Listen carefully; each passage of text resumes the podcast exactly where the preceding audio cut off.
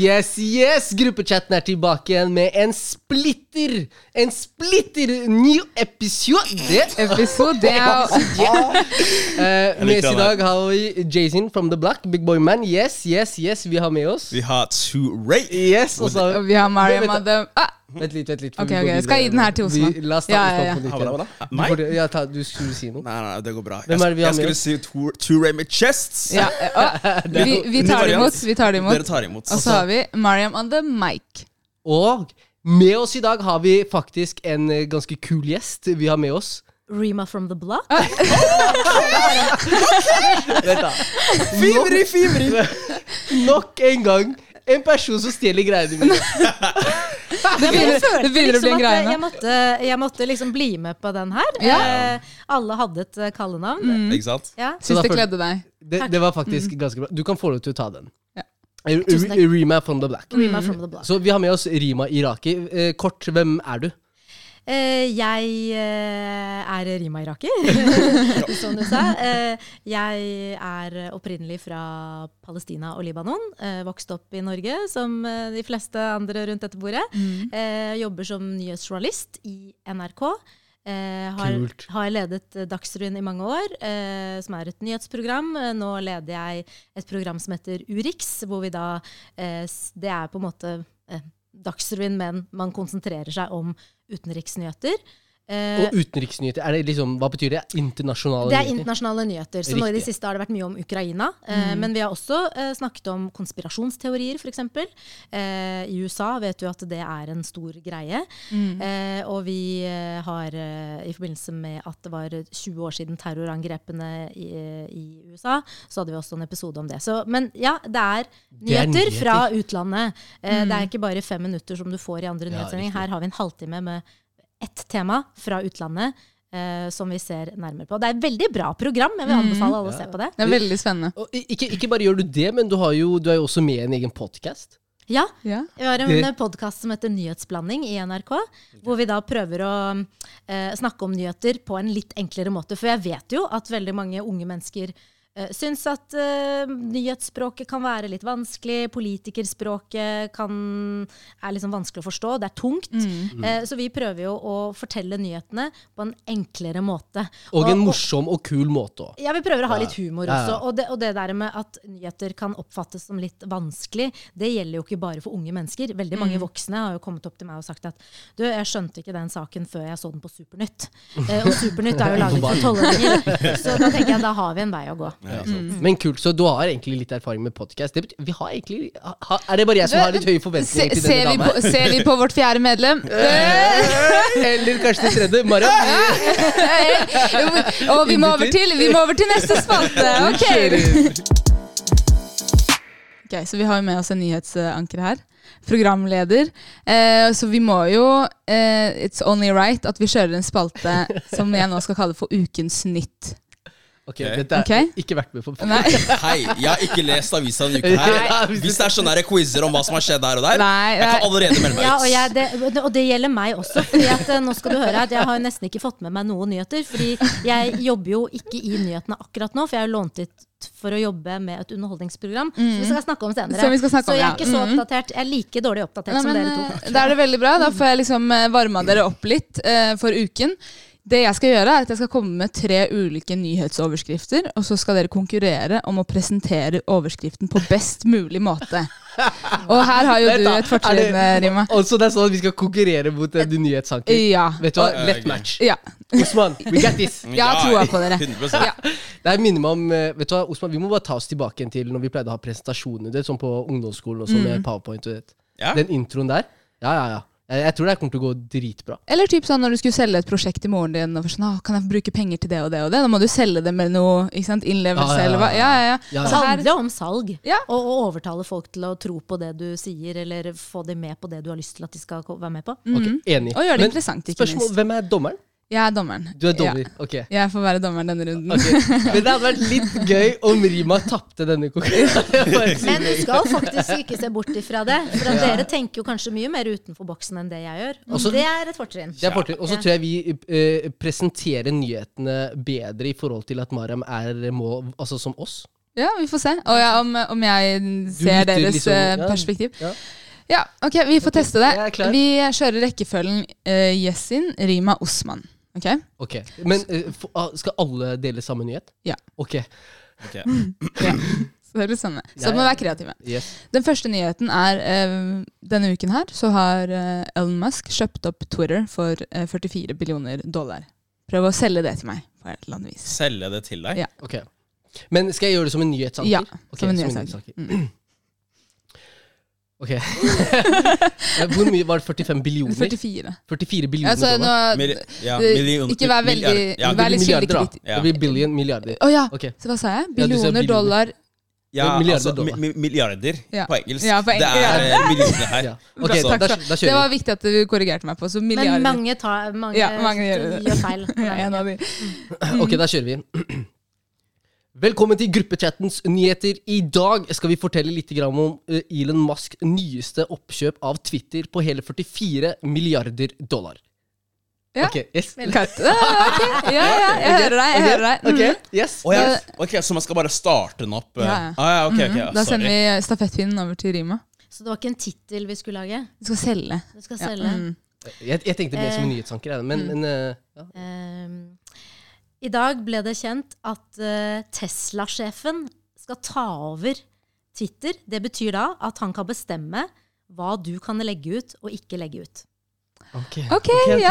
Jeg hadde, jeg hadde trykket på Jeg, hadde- jeg, Jeg hadde lest den artikkelen. Ja, ja, ja.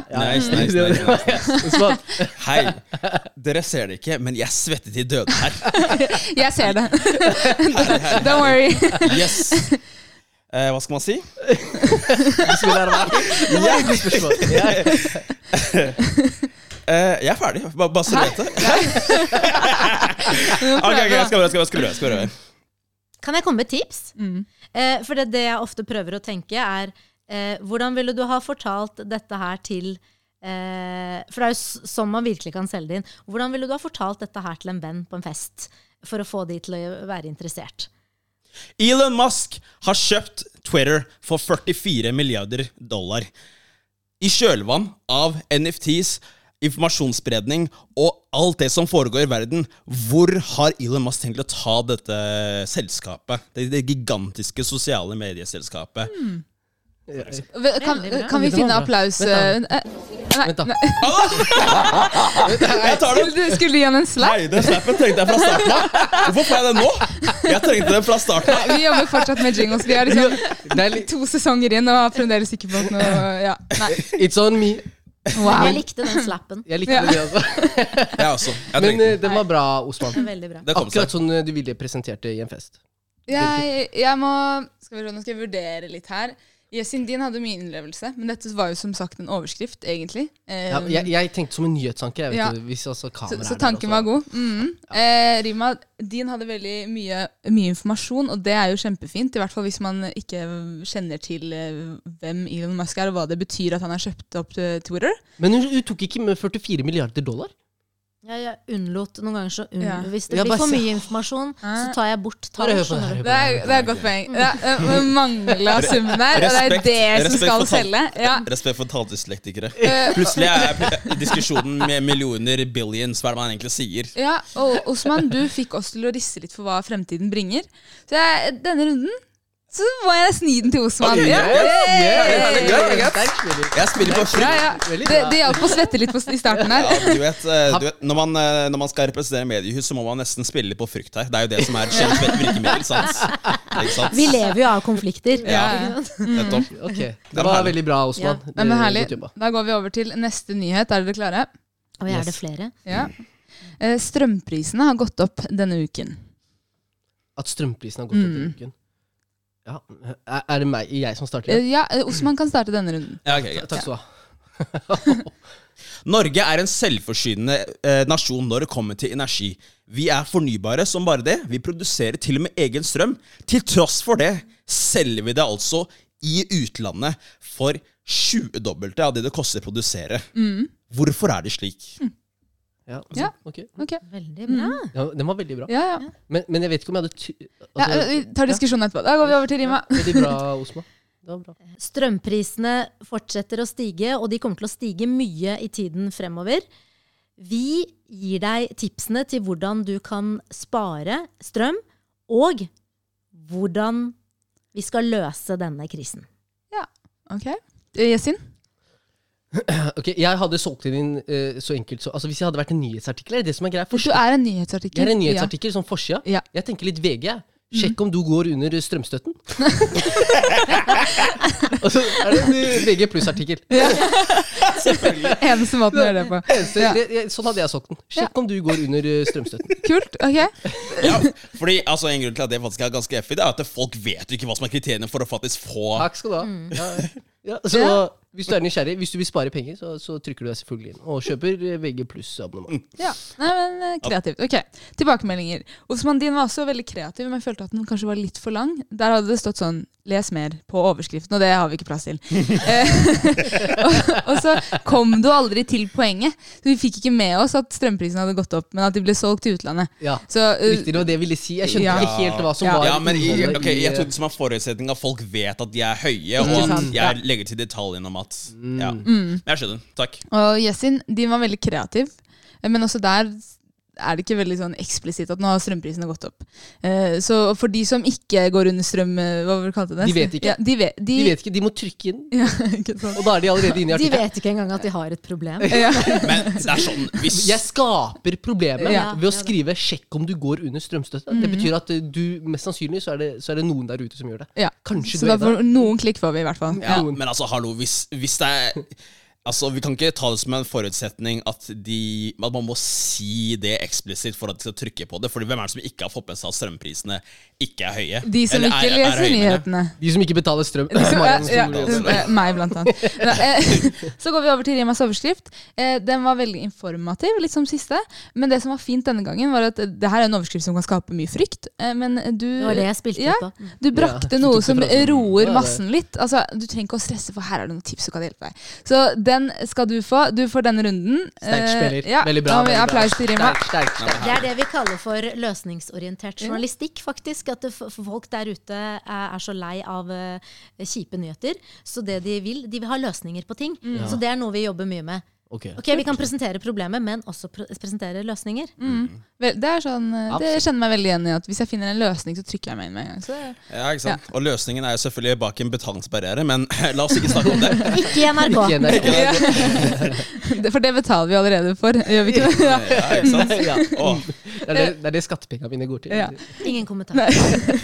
Um, Tinder-svindleren Simon eh, Leviev eh, han har blitt, eh, altså, Det har blitt utstedt en arrestordre for han i Spania. For han har eh, brukt falsk identitet mens han har vært i Spania. Eh, hvordan selger vi det? Tindler-svindler i Spania dømmes etter, eh, etter forfalskning av legitimasjon. Ah, jeg hadde bare kutta den der. Ferdig. Kult. Eh, Men han var, han var arrestert, eller var han Nei, det er bare ut, ut, utstedt. Arrestordre? Er det ikke det det heter? Da, når du er eh, Utstedt en arrestordre. Ja. Så han, er, han, han bor jo nå for tiden i Israel. ja. Mm. Så når, når, når, eh, hvis de har en overleveringsavtale også, Ja. så er det jo Men Israel tror jeg er litt sånn Du kan gjemme deg der. tror- Trygt sted å gjemme seg, tror jeg. Ja. Ja, ja. Mm, mm. I hvert ja, anyways, ja. Mm. Kjør. Si, si det igjen. Han, han, han har blitt uh, sett i Spania. Nei, eh, Nei. ja, For to-tre år siden så Ja. var han i Spania og brukte falsk legitimasjon. Ja. Og nå har det blitt ut, utstedt en arrestordre eh, på han i Spania.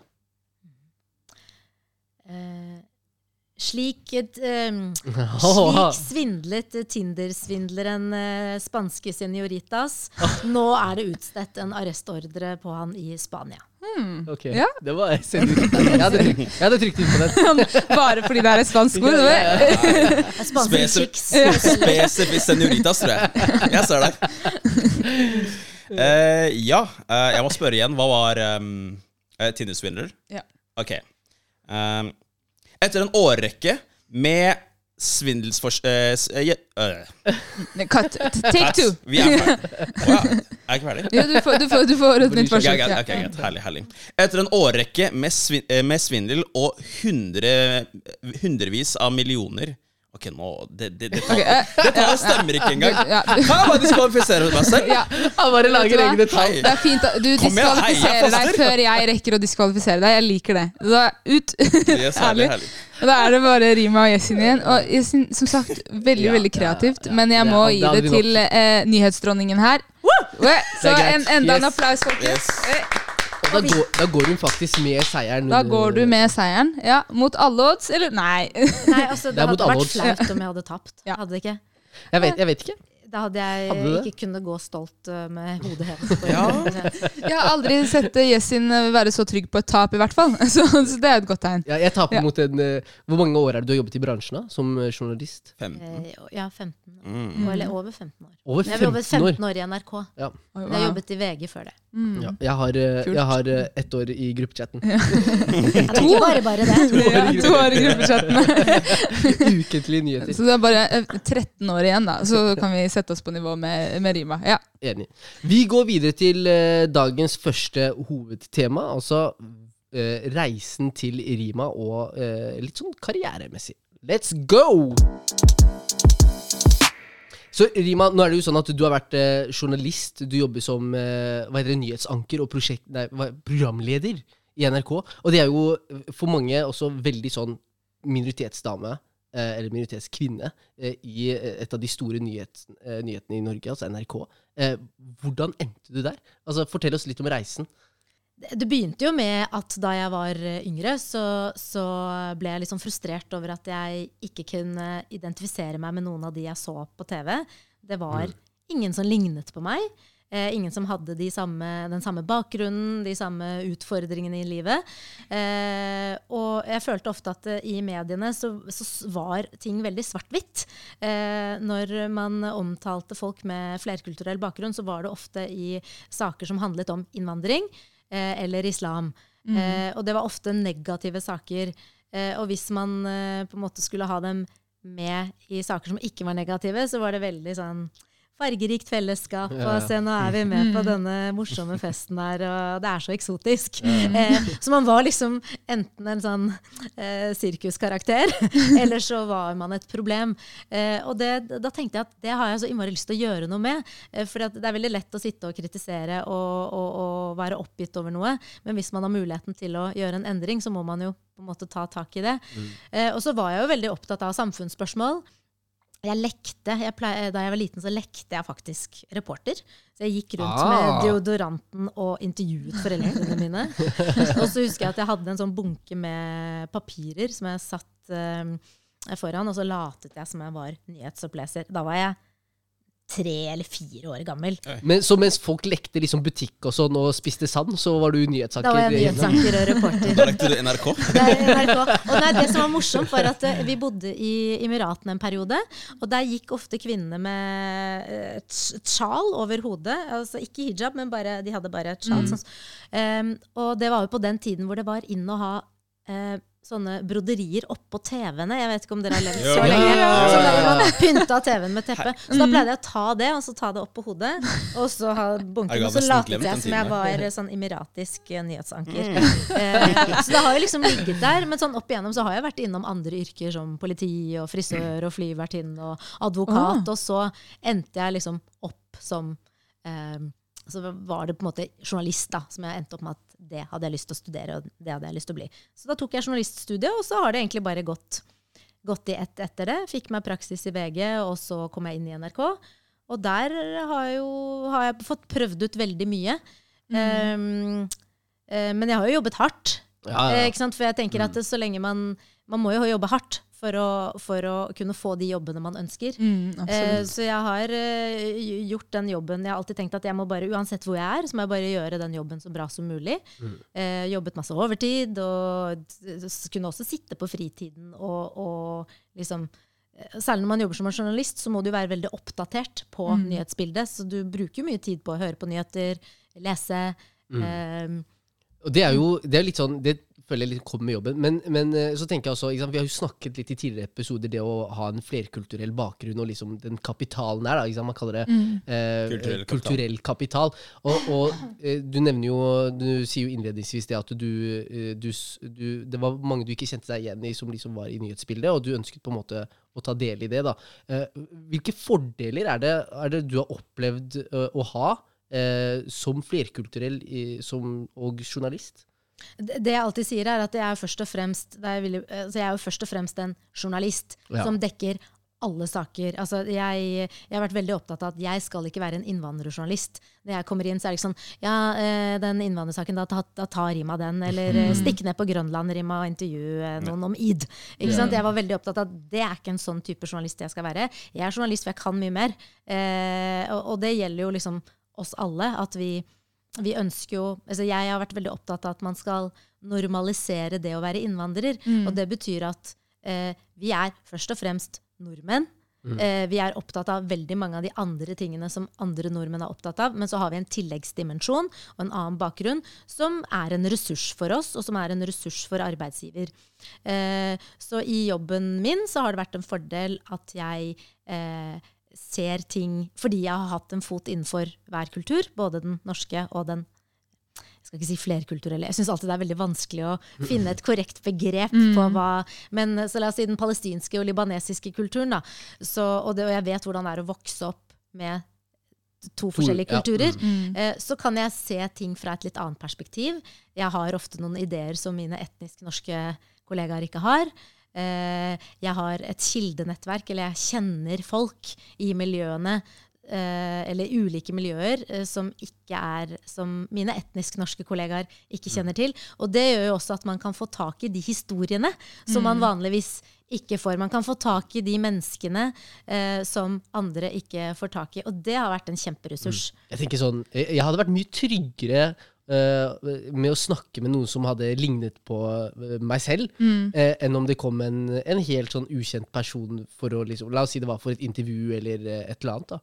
Eh, men men det, det er jo dritkult. ikke sant? Jeg tenker med en gang, eh, jeg i hvert fall tenker at det er sykt viktig med sånne profiler som man kan kjenne seg igjen i. Vi har prata masse om det tidligere. Men det må ha kommet med noen utfordringer òg. Det har eh, vært utfordrende, men bare før jeg kan bare si én ting om det. Det der å kjenne igjen folk som man ser på TV. Fordi det handler ofte om tillit, ikke sånn som du sier at eh, jeg hadde følt meg mye tryggere hvis det hadde kommet en som lignet på meg. Eh, og det ser vi ofte at folk i den Altså vi sliter jo med å nå ut til innvandrerbefolkningen. Eller, eller store Det er i hvert fall den delen av befolkningen som vi sliter mest med å nå ut til. Og det handler mye også om at man ikke kan identifisere seg med de man ser, og, og at man eh, det, det ikke er tillit der.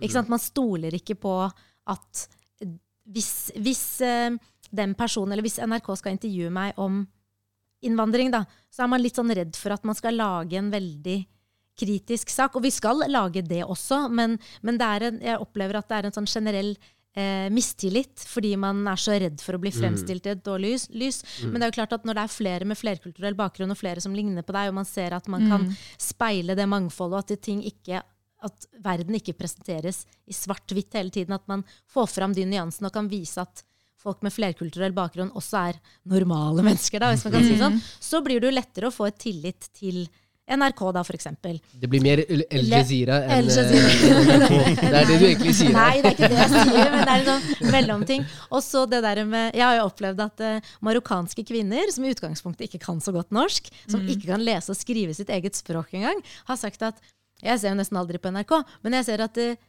Rima eller andre som ligner på Rima, er der, så, så ser jeg på. Fordi at, og det handler om identifikasjon. Ikke sant? Du ser en som Ja. Ja, ligner på deg, og da tenker jeg wow! Hvis man har fått til det, så er jo det kjempebra. Mm. Men Det, mm, definitivt. Jeg må bare legge til noe av det, det du sa i stad. og i forhold til dette med at Man ofte føler at hvis man er flerkulturell eller har en flerkulturell bakgrunn, at man bare må snakke om disse typer tingene, eller bare være eller ta plass, liksom ta en plass der det skal være liksom ekstremt relevant, eller bygge på det. Da.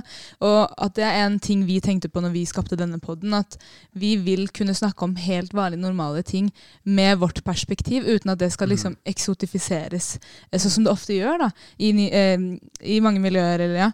eh, og, at, og hvor viktig det er også fordi vi merker at de som lytter til oss, kan kjenne seg igjen i at oi, vi må ikke snakke om islam hele tiden, eller om ikke sant, hvilket land vi er fra hele tiden. Vi er vanlige. vi kan snakke om helt vanlige ting som økonomi og aksjer og eh, altså, skattemelding Nå snakker jeg bare om økonomi. Ja. Men om, eh, De eh, om hverdags, ja, Ja, hva vi spiste ja. i går. Ikke sant? Ja, ja. Bare helt hverdagslige ting. At det er så viktig også å ta plass eh, sånne steder, fordi eh, vår stemme må dekkes overalt, og ikke bare eh, der noen tenker at vi hører hjemme. da. Takk skal du ha. Jeg er helt enig. Og det, det som også er viktig med å på en måte sånn Én ting er på en måte hva man signaliserer til de andre, men sånn for sin egen del også, så er, det, så er det veldig viktig at man selv kjenner at man er kvalifisert til å kunne ta en sånn type samtale faktisk snakke om disse tingene her, som kanskje på en eller annen måte bryter litt med noe som skulle assosieres med din tilhørighet, eller hva det skulle være. på en måte. Eh, At man ikke føler at ok, du er muslim, så det som har med islam å gjøre, det er, det, det er din plass. At du ikke føler at plassen din er tilordnet, men at du Ja. skaper den selv. Ja, enig. Og det, ikke sant, det blir litt sånn, ikke sant? Eh, eh, NRK har litt sånn eh, eller nyhetene generelt har jo et nyhetsbilde som uh, omfavner egentlig ganske mye. Og så må man være ærlig med seg selv at eh, det er, det er for alle. Eh, Det er ikke for en spesifikk gruppe. altså uh, NRK er ikke for bare nordmenn eller etnisk norske. Det er jo for meg og deg, og det angår eh, oss alle sammen. Eh, og det å identifisere seg som en nordmann, det er på mange måter også viktig, og ikke bare El Jazeera. Ja. Og så Eller er det det med NBC Ma- Maghreb.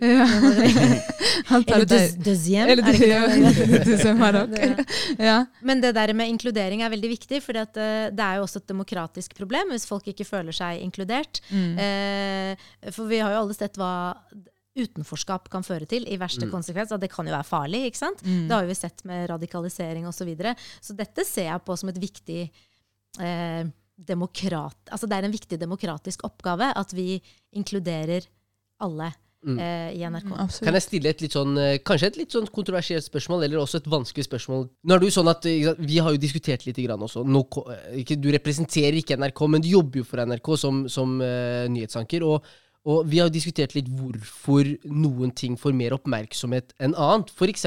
situasjonen i Russland-Ukraina sammenlignet med situasjonen i Israel og Palestina. Eh, og det, det liksom, Hvorfor får noe mer oppmerksomhet enn eh, noe annet? Det er jo egentlig et litt sånn sammensatt eh, og litt vanskelig spørsmål å svare på. Men eh, generelt så er det jo sånn at eh, ting som Altså, vi går jo etter noe som heter nyhetskriterier. Og, og et av de er at jo nærmere noe er, og jo mer vi kan identifisere oss med det, eh, jo større er sannsynligheten for at det får mer mediedekning. Og det er klart at eh, krigen i Ukraina, det er en krig som plutselig Eller ikke plutselig oppsto, den gjorde ikke det, men, men at veldig mange ble jo sjokkert over at man fikk en krig i Europa i 2022. Eh, og man, man får nå flyktninger som kommer hit, som ligner veldig på eh, folk i Norge. Vi har en eh, nabo, altså Russland, som, eh, som er den som kriger. Og det har jo bidratt til å skape en frykt. Så når alt er veldig nært, eh, så, føl, så blir man jo mer opptatt av det. Eh, og det som skjer i Israel og Palestina Dessverre så er det sånn at jeg tror veldig mange tenker at dette er noe som har pågått over lang tid. Det er noe som skjer nedi der. Eh, Det angår oss på en måte ikke på samme måte som det som skjer i, eh, i Ukraina for øyeblikket. Altså dette er det generelle eh, svaret på det. Men det er, jeg, jeg- jeg forstår at veldig mange eh, Og jeg har hørt andre si det samme som du sier nå, at hvorfor, hvorfor dekker dere ikke det som skjer der, i like, stor grad, som i Ukraina? Og det handler ofte om nærhet. Ja. Og det er jo litt sånn, ikke sant, du snakker om, om Og også at det er en nyhet, fordi eh, vi ser jo det allerede nå. at altså, da, da krigen oppsto, så var det et enormt informasjonsbehov. Alle leste nyheter. Samme med korona. ikke sant? Ja. Da korona, starten av koronapandemien tror jeg aldri har hatt så mange seere som da vi hadde det. Vi hadde 1,2 millioner mennesker som så Dagsrevyen eh, de, første, de ja. første dagene. Det var rekord. Og det er fordi at eh, når det er store hendelser som skjer, eh, som, mange, som berører folks liv, så bare da, da, da leser vi masse nyheter og ser på TV-sendinger. Ja, mm. jeg vil bare kommentere litt det Mm. vi snakket om i stad, det med tilhørighet og sånn. Det er kanskje derfor vi stiller spørsmålene om akkurat mediedekningen til den situasjonen i Palestina og Israel. Fordi vi kjenner oss mye mer igjen i, i dem, eh, med tanke på religion, kultur osv., sammenlignet med ukrainske flyktninger som har eh, blondt hår og, og blå øyne.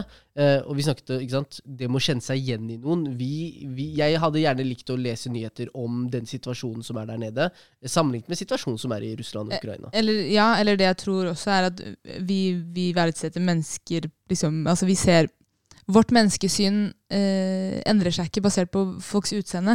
Men det Eh, vet vi For dere er jo opptatt av ukra de ukrainske flyktningene. Ja, ja, Ja, men fordi er jeg må bare korrigere liksom, måten du formulerte det ja, det. kan ja, ja. virke litt sånn eh, «Ja, Jeg bryr meg ikke om det som skjer i Ukraina. Det blir litt feil. Ja, for det, det jeg tror du mener, er at vi bryr oss også om andres menneskeliv, av, uavhengig av religion, opphav, sånne type ting. mm. Eh, Og at eh, mennesker i krig burde tas vare på, uavhengig av om de Uavhengig har blå øyne og blått hår. Ja, Nei, blått hår. Altså ja. blondt hår. ja. Blondt hår. Eh, men ja, fordi det jeg tror, og det tror jeg ikke er noe du kan svare på, Rima, men det jeg tror veldig mange eh, i vår miljø kjenner på, i hvert fall, er at vi har merket at mediene, eller kanskje bare det norske folk generelt, ikke alle da, selvfølgelig, har et sånn etnosentrisk menneskesyn, og at man verdsetter eh, Noen etnisiteter fremfor andre. ja, og da eh, Ja.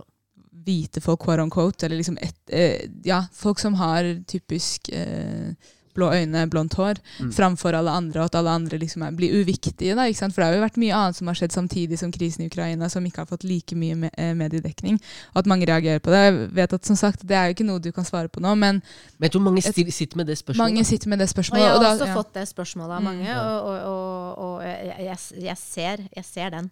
Det er jo litt vanskelig for meg å svare på det, for at jeg skal jo egentlig ikke ytre meningene mine offentlig. Eh, Og det høres kanskje litt rart ut for folk. Hæ, kan du ikke det? Eh, Jeg kan jo ikke gå i demonstrasjoner heller, f.eks. pga. jobben min. Og det er fordi at eh, når jeg jobber med nyheter, så skal jeg være nøytral. Jeg skal ikke, jeg skal ikke fortelle hvilke Jeg kan ikke være medlem av et politisk parti, f.eks. eksempel. fordi at når jeg da skal dekke ting på en så nøytral måte som mulig, så kan jeg ikke ha ment noe offentlig heller. For ellers så vil det på en måte fargelegge måten folk oppfatter det jeg eh, sier på. Det er ikke Rima som bestemmer hva som skal være i nyhetene. Nei. ja. men, men det som er viktig her, er jo at jo flere, eh, jo flere, på, jo flere folk med ulike perspektiver der som entrer disse arenaene, jo mer eh, eh, nøytraliserte Eller jo mer Hvordan skal man formulere det her? Jo mer eh, jo mer nøytraliserte vil mediebildet være i det lange løp. Da. Ja. Så det kan jo være en oppfordring til alle der ute som kanskje er litt misfornøyde med hvordan ting blir skrevet om. Skaff deg den utdanningen, sånn at du også kan endre litt på det. Men ikke bare det, men du trenger ikke å skaffe deg den utdanningen. Eller eh, skaff deg gjerne den Mm. utdanningen, men, men eh, bare at folk skal vite at det går altså an å påvirke ved å skrive kronikker, sende inn mailer, Mm. Mm. stille spørsmål. Det, altså, det er fint at folk stiller spørsmål og engasjerer seg, for det er faktisk ikke nytteløst. Mm. Eh, og har man tips, så ta kontakt. Ja, Mm. det er fint at du påpeker. Så da sitter man inne med en idé, så er det bare å få eh, ja, begynne å skrive. Begynn å skrive. Ja. Begynn å skrive. Eller starte start en podkast. Eller podcast. Vi går over til eh, neste del. Vi skal snakke litt om eh, festen etter fasten. Og det gleder vi oss til. Jalla, kjør, da! Festen etter fasten, dere. Trenger pause? Nei, jeg vil bare kommentere en ting. Ja. Fordi fest, okay, men, ja, Festen etter fasten men Jeg var på utveksling i Tyrkia i fjor. Og så på festen etter fasten da, for jeg feiret jo id uten familien min i utlandet. Ah. Og det må jeg bare si var så hyggelig. Mm. For da følte jeg plutselig sånn Å, jeg får fortsatt med meg litt det der å, Norske tradisjoner blanda litt med id. Selv om jeg ikke er med min egen familie. Så det var veldig hyggelig. det må jeg bare si Så da ble det sånn å, Ja. ja. Så Og jeg, blir kjempe, og jeg blir kjempeglad når jeg hører sånn. Jeg bare kjenner jeg bobler Ja. over så- Det, det er akkurat den type tilbakemeldinger som vi får veldig mye av, som gjør at jeg bare åh, det her Mm. er så bra, det er så viktig. Ja. Det, er, eh, det er viktig. Eh, festen etter fasten er viktig. mm, Så hva er det? Eh, så, så hva er egentlig festen etter fasten? Jeg tenker at eh, ingen andre enn selveste Hva er du, programlederen for festen etter fasten burde introdusere hva det egentlig er. Ja, Og hvis du ikke har fått med deg Festen Ja. etter fasten, Da har du gått glipp av noe stort. Da, da, det må Ja. du få med deg. Mm. Nei, Festen etter fasten det er et underholdningsprogram som vi har eh, i NRK, som vi startet med eh, under pandemien eh, i 2020. Vi hadde første id-sending på NRK, og vi var faktisk eh, den, det, altså den første kringkasteren, eller den første TV-kanalen i Vest-Europa som hadde en direktesendt TV-sending om id. Det Og det gikk gikk i primetime på NRK. Det er ganske stort. Mm, Det er ganske ja. stort. Det er stort. det er nesten så jeg ber Jessin om å eh, hente applausknappen. Jeg vet ikke om jeg stoler nok på deg til å gjøre det. kan vi gjøre det Nei, manuelt? ja, vi gjør det manuelt. Hey! Den høres enda bedre det ut. er det deg. Den er ekte. Mm. Den er ekte. Men det er jo kult akkurat det du sier, for det er liksom første i Vesten. Ja. Og det sier jo litt om behovet òg. Ja, og det var jo liksom det var, eh, da, vi, da vi skulle gjøre det, så ble det jo la, Overskriftene var jo 'dette var historisk'. Ja. Eh, og vi merker jo også interesse andre steder i Europa. Jeg har blitt intervjuet av eh, BBC eh, om, eh, Oi, om programmet. Og eh, uken etter id så skal jeg faktisk reise til Barcelona for å være med på en TV-festival, eller en TV-konferanse, eh, der Festen etter fasten har blitt plukket ut.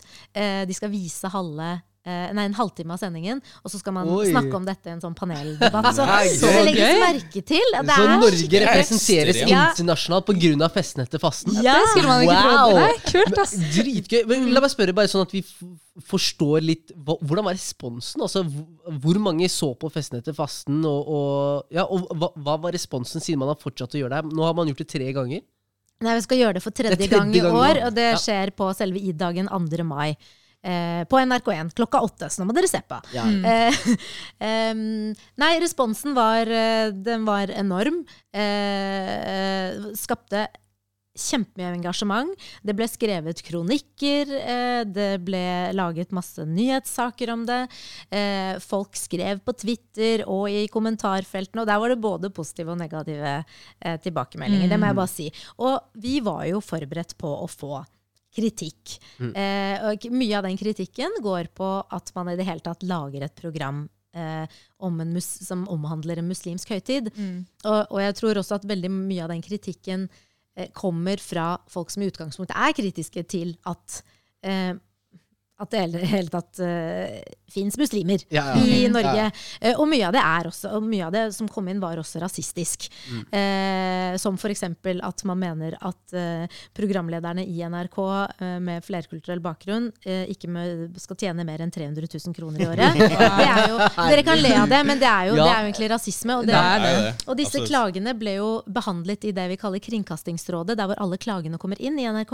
Og de som satt i det rådet, altså der var det unison, alle var enige om at eh, dette var et kjempeviktig program. Dette er et program vi trenger. Og de sa også rett ut der at uh, noen av disse eh, kommentarene er rasistiske, og de hø hører ikke til noe sted i Norge. Og så har vi fått masse positive tilbakemeldinger også.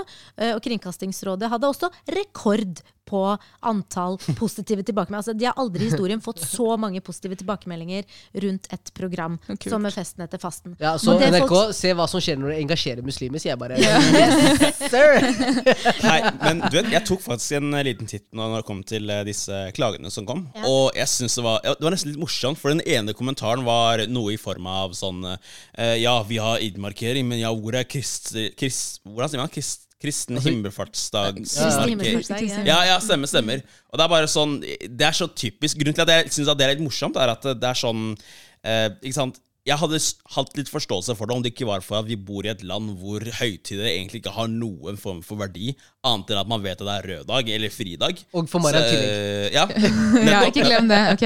Nettopp. Og det er sånn, det er bare sånn Det er liksom ikke noe som både står sentralt i livet ditt fra før, men når det kommer noe når det kommer noe lignende som det er, så skal det plutselig være eh, viktig for deg. på en måte. Hvis jeg kan bare få lov til å trekke en annen type parallell, da, så er jo det f.eks. disse diskusjonene hvor det er snakk om sånn Ja, folk som bruker hijab, om de skal få lov til å bruke det når de skal ta passbilde eller ikke. Så er det en sånn, en sånn jeg kan ikke si klassiker, da, men ikke sant? Det, hadde ikke, det hadde ikke vært uvanlig å høre en person si ja, jo, vi viser ørene her i Norge. Ikke sant? Å ja, nå er det plutselig viktig for deg, ikke sant? Så du, så, så du må jo gå rundt og være livredd om vinteren, da, for da har jo alle på lue og sånt. Å ja, nei, du er bare redd, redd spesifikt hvis det er hijab, hijab eller sjal og sånne ting.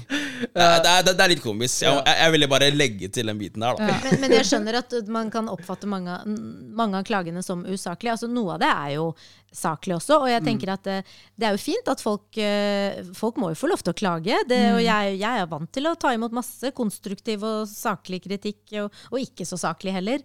Uh, men det blir liksom, noen av de ble litt sånn Ja, men du har jo ikke sett programmet engang. Du, bare, du er bare sint, liksom. Du er bare sint for å være sint. Men noen er det òg. ja, og, og jeg tenker, og så er det, som jeg pleier å si, at ofte så er det sånn at de som er sinte, eh, setter seg ned og, og, og skriver på, i kommentarfeltet og tastaturet. Mens de som sitter hjemme og syns det er koselig, de vil jo kanskje si åh, det var koselig, men det er ikke nødvendigvis sånn at de setter seg ned for å skrive en positiv tilbakemelding. Men vi fikk veldig mange positive tilbakemeldinger. Både fra muslimer og ikke-muslimer. Eh, f- fikk tilbakemeldinger fra folk som de bare 'Jeg er ateist, men jeg vil takke dere for dette programmet her. Dette har gitt meg en større forståelse for hva denne høytiden innebærer. Spørsmål som man kanskje ikke tør å stille naboen, den muslimske naboen. Eh, og fra muslimer som sier 'Åh, for første gang så føler jeg meg så kan jeg kjenne igjen meg selv når jeg ser meg selv på TV. Eh, Jeg føler meg inkludert. For første gang opplever jeg at arbeidsgiver ønsker meg Eid Mubarak, og det er pga. dere. Nå skal ikke vi ta creden for alt, Nei, nei, nei, men, men jeg men jeg tror at det programmet gjorde veldig mye med folks bevissthet eh, rundt, rundt id-feiring. Og også her fikk vi vise at muslimer og folk med innvandrerbakgrunn også kan ha det gøy. Eh, At de kan pynte seg og være glade. Og så har jo noe av kritikken også og det, det, det, Noe av kritikken har jo også gått på at eh, det nærmest har vært en forventning om at eh, fordi det er et program som handler om en muslimsk høytid, eh, så skal man ta tak i alle de problematiske sidene ved innvandring eller eh, i islam. Ja. eh, eller som man ser på som et problem i islam. Eh, liksom, hvorfor diskuterer dere ikke homofili i islam eller kvinnens posisjon? Og jeg tenker at det var liksom ikke vår oppgave. Man, gjør, man kan gjerne diskutere disse eh, tingene resten av året. Det gjør vi jo i nyhetssendingene våre. Jeg er jo nyhetsjournalist. Eh, vi har ofte saker som tar tak i de utfordringene, som, for det, de finnes jo i innvandrermiljøene. De må man snakke om. Vi anerkjenner det. Men dette er et underholdningsprogram. Det er én kveld i året. Én kveld i året hvor vi på en måte skal uh, ha fest. Uh, så på lik linje som man ikke sitter og diskuterer uh, alt som er problematisk ved kristendommen i Kvelden for kvelden, dagen før jul, så man sitter jo ikke og snakker om Jesus heller. Eller det det religiøse. Og det gjør vi jo ikke her heller. Dette er, Vi snakker om tradisjoner, og vi snakker om en høytid som Som nesten 200 000 mennesker i Norge eh, feirer. Mm. Og jeg syns det er så fint, for det gir, innsyn, altså det gir et innblikk i hvordan, hvordan vi feirer det. Eh, og jeg, jeg har også fått litt sånn kommentarer om sånn, å, ja, jeg har sett på det programmet, og er det sånn dere feirer? Og, og det er veldig fint å kunne også ha noe man refererer til eh, når man snakker om id. Um, men det, det jeg lurer på er, hvor kom ideen fra, og hvordan fikk dere gjennomslag? For det er jo et ganske stort prosjekt. Det er et kjempestort prosjekt. Eh, hun som skal ha æren for det, er hun som er prosjektleder, heter Vivi Stenberg. Er hun norsk? hun er etnisk norsk så og ateist. Eh, og hun, har, hun har jo liksom erfaring med å, å lede MGP og veldig mange andre store produksjoner. Um, og hun fikk denne ideen for mange år tilbake. Uh, jeg tror hun bare liksom hadde tulla og sagt ah, kan vi ikke lage ramadan minutt for minutt. For, at hun, at, for hun følte at alt var så uh, Hun følte at det var så li, lite inkluderende eh, underholdningsstoff på TV. Eh, og da var det noen som sa ja, why not? Og så begynte den ideen bare å, å spinne. Og så tror jeg det tok tre år fra hun på en måte pitchet den ideen i NRK for første gang, eh, til, hun, til vi liksom så den på TV. Så ting tar jo tid. Men det holder liksom med at en person bare har en idé og en visjon, og så eh, Tør å snakke høyt om tør det. å snakke høyt om det, og pusher og bare kjører på i NRK. Eh, og ikke gir seg. Så får man det til. Det er veldig kult. Ja. Det, det jeg på en måte syns er eh, noe av det mest eh, Eller det som på en måte har gjort meg helt hekta på, på den årlige greia her, er at man på en måte ser eh, hvor mangfoldig folk er. da Sånn mm. muslimer da spesifikt. Fordi ikke sant? Eh, man, ser man går jo fra én familie til en annen, og så, og så er det jo i tillegg slik at man også ser andre kjente profiler og folk og sånne ting som også er muslimer, som gjør sine ting og på en måte har sine gode kvaliteter og sånn. Så eh, jeg, jeg føler på en måte at dere dekker veldig veldig, veldig mye på en måte som samtidig tiltrekker oss seere. Så jeg syns det er veldig kult. Og ikke nok med det, eh, endelig, for min egen del, så kan jeg ha et TV-program i bakgrunnen med min egen familie, som er liksom en del av feiringen. Og det har jeg jo ikke kunnet ha før. Det er litt som å se på de typiske julefilmene når man står opp på jul. ikke sant? Nå har det blitt en liksom tradisjon å skru på Hei, NRK. det er, jeg det er veldig godt sagt. Hei. Jeg er, er helt Ja, enig. ja. Ja, Men, jeg men det er liksom, den, den. den går litt sånn i bakgrunnen, og så eh, eh, Kjempekult. Men fortell oss litt, eh, hvorfor er det viktig med akkurat dette programmet? Nettopp pga. det du sier der, at du føler at du har fått en egen tradisjon som, som, eh, som du kan knytte opp mot din eh, identitet, din høytid, som betyr mye for deg. Eh, igjen, det handler om identifikasjon. Eh, eh, vi var jo veldig spente på om dette For det er veldig vanskelig å treffe mange mennesker. Du skal treffe muslimer, som dere sier er en veldig mangfoldig gruppe. Ikke bare eh, når man ser på nasjonalitet, men også folk praktiserer jo på ulike måter. ikke sant? Mm. eh, noen faster, andre faster ikke. Noen er konservative, andre er liberale. Eh, eh, vi skulle treffe unge, vi skulle treffe arntisene. Ikke sant? Eh, så vi var veldig sånn Ok, blir dette her for vågalt, eller blir dette for konservativt? Eller, eh, men, men det, så det som overrasket meg mest, var at vi fikk positive tilbakemeldinger fra så veldig mange ulike samfunnslag. altså Både fra arntisene som bare Nei, nei, jeg hører at det, eh, en pakistaner som fortalte, eller norsk-pakistaner som fortalte meg at eh, moren hans hun eh, legger opp id-feiringen nå etter det TV-programmet. eh, og små barn som bare Å, id! ikke sant? For det er jo barnas dag. Og det å kunne, altså jeg skulle ønske at jeg, kunne, at jeg hadde vokst opp med et sånn type program da jeg var liten. Eh, nyankomne syriske flyktninger som har bodd der i noen år, og først etter at vi begynte å sende dette programmet, kan si endelig føler vi at det er skikkelig id-stemning. Fordi at det går på TV, og du er på en måte en del av noe litt sånn større. Så det er veldig viktig. Og det, det vi sier, er at dette er et underholdningsprogram, men det er et underholdningsprogram med, et, eh, med mening.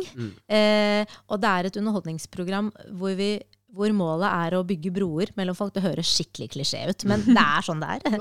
Jeg må bruke noen store ord. Og, det, og målet er å skape mer forståelse. Da, at vi skal forstå hverandre litt mer. At uh, naboen skal forstå hvorfor uh, den muslimske naboen uh, gjør som han gjør, og at den feiringen er ikke så farlig. Bli med. Og det, det er jo det litt Mariam sa i stad. Med at Kanskje mange opplever at arbeidsgiver for første gang sier id Mubarak. Fordi de har fått med seg uh, f.eks. programmet, da, eller en nyhetsartikkel om at det er id, eller om, om ramadan osv. Og det gjør du for min egen del altså veldig mye enklere å være åpen om hva jeg F.eks. min egen faste. At jeg tør liksom stå frem, og at Ja. det ikke er helt ukjent, selv om vi stadig vekk får det samme spørsmålet, ikke vann engang. Yeah. Men, men det går greit. Not even water. Men, Not even.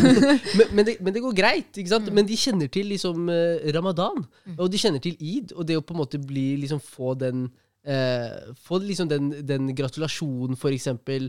Det, det betyr så mye. Ja, jeg er helt enig. Og det er sånn Altså, Vi snakker jo selvfølgelig veldig varmt og høyt om dette programmet, her og sånne ting, men jeg tror generelt at ord blir fattige hvis vi skal si hvor mye det her egentlig baner veien for, for alle.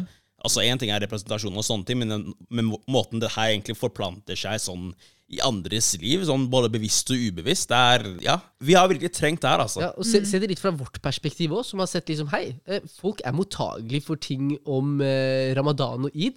Kanskje, kanskje vi skal lage en podkast som Ja. handler om liksom våre liv òg. Kanskje folk også er mottagelige for det. Da, ikke sant? Det, det, er liksom, det er litt om de ringvirkningene som Osman nevner, som jeg tenker er liksom, det, ba, det baner vei, og det skaper liksom muligheter for å liksom være åpen om hvem man er, da, og mangfoldet. Definitivt, og det, og, og det ufarliggjør også is, islam, føler jeg, og feiringene vi har, og våre tradisjoner. Og, og ja, jeg bare Jeg kan ikke se noe negativt ved denne feiringen. Eh, faktisk. Jeg syns det er veldig, veldig fint at man har kommet et sted Altså, det gir gir håp, da, om at, Ja, det gjør det. Ja, om at virkelig. ja, Se, Riva sitter der og Nei, koser men seg. jeg, blir skikkelig, ja, men jeg blir skikkelig rørt. Jeg, jeg, jeg, blir sånn, jeg syns det er så fint. Og, vi, og jeg må jo si at vi i redaksjonen, det, det er jo alltid mye grining når vi jobber. Fordi at, jo, men Første året var jo veldig spesielt. Å, skal vi gjøre dette her? Og jeg husker en av eh, vi har jo også med oss eh, researcherne som jobber i Lindmo, for dette det er jo Underholdningsavdelingen. Og veldig mange tror at dette er Rima-show. Vi er, jo, vi er jo en stor altså Du skal se det rigget ikke sant? når vi holder på. Det, det er alt fra han som trekker kablene, til den som er ansvarlig for lyden, til den som er ansvarlig for hvordan studio skal se ut. Og eh, 90% av de som jobber med dette her, eller 99,9% av de som jobber med det, er jo etniske nordmenn som ikke har noen ting altså De feirer jo egentlig ikke denne høytiden. Men det jeg skulle si var det første året vi hadde det, så var en av researcherne eh, er en researcher. det er den som eh, hjelper til med å Eller ikke hjelper til, men det er, det er en del av teamet. da de jobber journalistisk med å snakke med gjester, vi finner finne ut av hva, hva kan vi spørre For vi gjør jo en jobb før vi setter folk i et Og det er ikke sånn plutselig at man har Nei, plutselig så sitter liksom Alle dukker opp så eh, klokken liksom fem. Karpe Ja. og så har jeg ikke forberedt noen spørsmål. Eh, Vi forbereder, vi snakker jo liksom om hva, hva, hva kan vi snakke om, hva svarer du hvis jeg spør om det? Og så bare, det der var litt kjedelig, da dropper jeg å stille det spørsmålet. Så noen gjør den jobben, eh, i tillegg til meg, da. Og det er en researcher. Det er det man kaller en De researcher. tilrettelegger og justerer. Ja, og, men også liksom graver opp. Altså, Det er Mm. ikke bare tilretteleggende, man graver opp historier. Eh, for eksempel i år så har vi jo eh, ramadan-portretter. Vi har vært og eh, intervjuet folk, eller fulgt folk i ramadan. Eh, og da ville vi finne folk med unike historier. Vi fant annet en eh, russepresident, Zainab, som kombinerer det å være russepresident og muslim Så i kult. ramadan. Eh, bare, og det hun sier, er at jeg ville, jeg ville motbevise folk som sier at det ikke er mulig. Mm. Men bare tenk sånn, Hvordan fant vi henne? Og det er liksom takket være våre gode researcher som liksom har ringt rundt og lest. Og liksom. Gøy. Og så har vi intervjuet uh, Ismail, som jobber uh, på havet. Liksom, han jobber med fiske oppe i Nord-Norge. Eh, og han var en sånn herlig karakter. Jeg bare gleder meg til å vise det. Eh, så det, det, så det er mye jobbing bak et sånn type program. Men Så vi har det- mye å glede oss til. mye å glede dere, men det jeg skulle si var liksom første året, det var litt sånn, sånn magisk stemning. For da var det sånn, rett før vi skulle på, så var alle sånn, alle var så glade. Alle, alle som kom til det programmet, var sånn det var liksom, Man følte at man var med på noe stort. Liksom Alle gjestene, alle som jobbet på det. Og det jeg husker liksom rett før jeg skulle på sending, var han ene researcher bare gikk rundt og han er jo etnisk norsk. eh, jeg har aldri feiret id, eller noe. Han bare, han bare 'Jeg har så sendingsnerver'. Altså, at han, hadde så, han hadde så eierskap til det Ja. programmet, og det var så fint å se. Ja. Ja, fordi det som var veldig spesielt med dette, dette programmet, var ikke Altså, dette har jo aldri blitt gjort før i Norge og i Vesten. Og når det først gjøres, så gjøres det så bra. Jeg tror det er det som Så på en måte sjokkerte ja. meg veldig, for jeg så ikke denne kom i, altså det her kom i det hele tatt. At det er ikke bare liksom et lite innslag at man besøker noen, og så snakker man litt, men det er liksom en rekke innslag med muslimer i alle ulike felt som driver med masse forskjellig, og du, du ser hele spekteret. Det var et komplett program. Ja, det så så gjennomført ut. Det, og det, det er sjelden at utlendinger er 100 Ja. Så alt er 80 Det, det, det gir mening at det er en etnisk nordmann bak. Bak all, alt 100% er det et etnisk nordmann. At de deler av starter klokka åtte er litt sjokkerende, faktisk. Ja, ja. Men denne etniske nordmannen har også et eh, bra team rundt seg, med flere med flerkulturell bakgrunn. Ja, det er godt å høre. Det er Men- godt å høre. Jeg synes fortsatt det er veldig overraskende å høre på en måte at du beskriver altså, For jeg hører det var mye nerver rundt, rundt greiene her, men altså, jeg hadde, jeg hadde aldri tenkt det. Eller jeg tenkte aldri det fram til nå, hvor du egentlig fortalte hvordan det var behind the scenes. Det er egentlig veldig morsomt å se hvordan ting er på andre siden. da I forhold til absolutt. hvordan ting faktisk fremstår for uh, at the receiving end. Ja. Mm. ja, men det er, alltid, det er jo en direktesending. ikke sant? Bare tenk deg alt det som kan gå galt. Det er mye som skal klaffe. ikke sant? Og, det, og særlig, du kan jo tenke deg Dere er jo avhengig av at dere tre er her. Og at Vi klarer oss bra uten Mariam. Jo, Ok, da, Dere er avhengig av at ett menneske dukker opp, og at teknikken funker. ikke sant? Mens vi er Det er så mange mennesker på den produksjonen. ikke sant? Eh, og folk har jobbet med dette her i, i over et år. Eh, Og eh, bare dette her. ja, liksom forberedt forberede Jeg kom inn liksom de tre siste ukene. Jeg har vært med på noen møter underveis, og sånn, men det, folk har jobbet med dette her kjempelenge. Det sier litt om Bare, omfanget. bare studio, for eksempel. Det har man, for det, I år har vi jo det inne. For som dere vet, så det må jeg forklare til mange, at eh, de neste årene så må vi nok ha id-festen inne. For det blir kaldere og kaldere etter hvert som tiden For det regnet i fjor, gjorde det ikke det? Ja, det begynte å regne rett før vi Ah, begynte, er og så sluttet det å regne idet vi var ferdig. Ja. Ja, ja, ja. Sier det. er en annen ting, liksom, Apropos det bak kulissene. For Ja. veldig mange bare 'Å, gikk det bra med deg?' Det regnet. Så jeg bare, ja, men meg gikk det jo bra med. Jeg hadde jo tak over hodet. Men de stakkars fotografene og alle de som fløy rundt. Jeg satt der og bare Stakkars. Fordi det, det, det bare jeg ned. Mm. Ja. Shit. For det, for det er en ting jeg lurer på er, De siste to årene nå så har det vært korona. Og da, det har jo prega id-feiringen. Hva kommer til å være annerledes denne, denne sendingen som kommer nå? Eh, Det som er annerledes, er at vi har fått reist litt mer rundt i, i landet. Vi skal være også direkte fra flere steder. Fra, for det er jo det vi har hatt lyst til å vise frem. Det var jo det vi ville vise frem første året, at vi ville være til stede på flere id-fester rundt omkring i landet. For å vise hvordan eh, feiringen er. For det blir jo fort veldig sånn Oslo-basert hvis du bare skal ha ditt studio eh, i Oslo. Eh, så det blir annerledes. Og så, um, så vi måte, ja, vi skal speile landet litt bedre. Og vi vise hvordan id egentlig feires når det ikke er korona. Mm. Og så, kommer, eh, så får vi veldig mange fine gjester. Eh, Magdi fra Karpe kommer. Gøy. Eh, og familien Adampour. Ja, Har dere hørt om de har jo en? Ja, egen ja, ja. serie på NRK. Ja. Ja, Er det den som er norskish, eller hva den heter? Nei, den heter Familien Familien den Adampour. heter Familien Adampour. ja, ja, stemmer. Mm. stemmer. Mm. De er liksom, noen har omtalt det som den norske Kardashians, men de vil ikke bli kalt for det. det. er en veldig kul Det Ja, men det er veldig kul Mm. gjeng. Det er skikkelig driftige damer. De får, Mm. de får til mye. De bør dere invitere hit. Er på saken. Men etter, Bare hør på saken. og så ja, en annen ting. Vi får eh, eh, Sveriges svar på Wenches eh, kjøkken kommer til oss. Hun heter Zeina. Oh. Eh, og, er, og apropos det der å, å normalisere folk, fordi at hun kommer opprinnelig fra Libanon.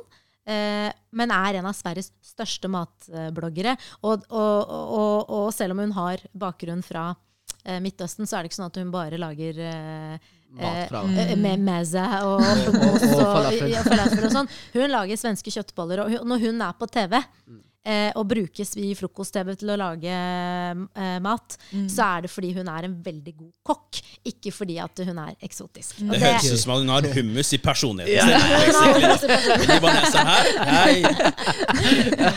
Herlig. Med det så avslutter vi dagens episode. Følg med 2. mai klokken 20.00 på NRK. Så får dere med dere hele sendingen av festen etter fasten. Og hvis du ikke rekker, eller det blir for mye bråk, for mye barna skriker for mye da eller, låser du barna inn i rommet. Nei, men du kan se det i nett-TV senere. Det ligger jo ute i nett-TV. Så gå inn på NRK nett-TV, altså nettspilleren vår. Så kan du søke, og det ligger, og de to fra i fjor, de ligger fortsatt der. Enda Hvis du vil varme litt opp. Mm. ja, ja. Så da kan du se sendingen to ganger òg, hvis du ønsker det. Ja. Eller tre. Eller tre. Ha den i bakgrunnen. Ja. Litt sånn som, eh, som, som 17. mai-toget på 17. mai. Ja. Genialt. Med det så sier jeg eh, takk for nå. også Mariam. Hvor kan eh, folk nå deg hvis de har noen spørsmål eller ønsker å følge med på det du driver med? På telefon eh, Nei. Nei,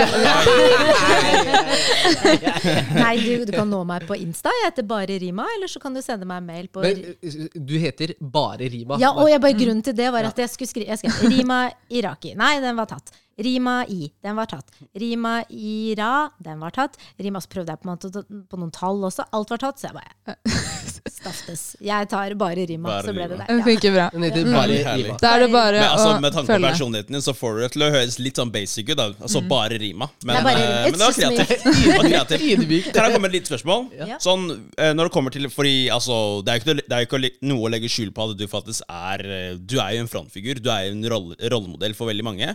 Har du noen tips for folk som gjerne skulle ønske å ta samme veien som deg? Eh, Jeg syns alltid det er liksom vanskelig å komme med den type tips, men, Ja. men jeg tenker Men mitt motto har alltid vært jobb hardt. eh, og ikke gi opp. Ikke se, jeg ser jo ofte bare muligheter. Mm. Eh, jeg tenker ikke at dette er en utfordring. Jeg tenker bare sånn, eller jeg tenker mer sånn Å, det der, det der ser vanskelig ut, men det skal jeg få til. Eh, aldri gi deg, og ikke vær redd for å gå utenfor komfortsonen din. Eh, og jeg, og jeg, og det er sånn som jeg alltid har i bakhodet. Ok, det, det virker skummelt, men jeg skal ikke la det at det virker skummelt, stoppe meg. Eh, for ellers så klarer man ikke å utvikle seg hvis man skal være innenfor komfortsonen sin hele tiden. Så jeg hadde likevel noen tips, hører jeg. Og sånn som jeg kjenner eh, Rima, ta plass. Eh, Tør å ta plass. Ja, Viktig. Med det så takker vi for dagens episode. Takk for at du kom, Rima Iraki. Tusen takk for at jeg fikk komme. Det var kjempegøy. Ja. Mm, Veldig hyggelig å ha deg Vi gleder oss til å spille i NRK sine studioer. I Eh, hva Bye. Adios! Bye! Bye!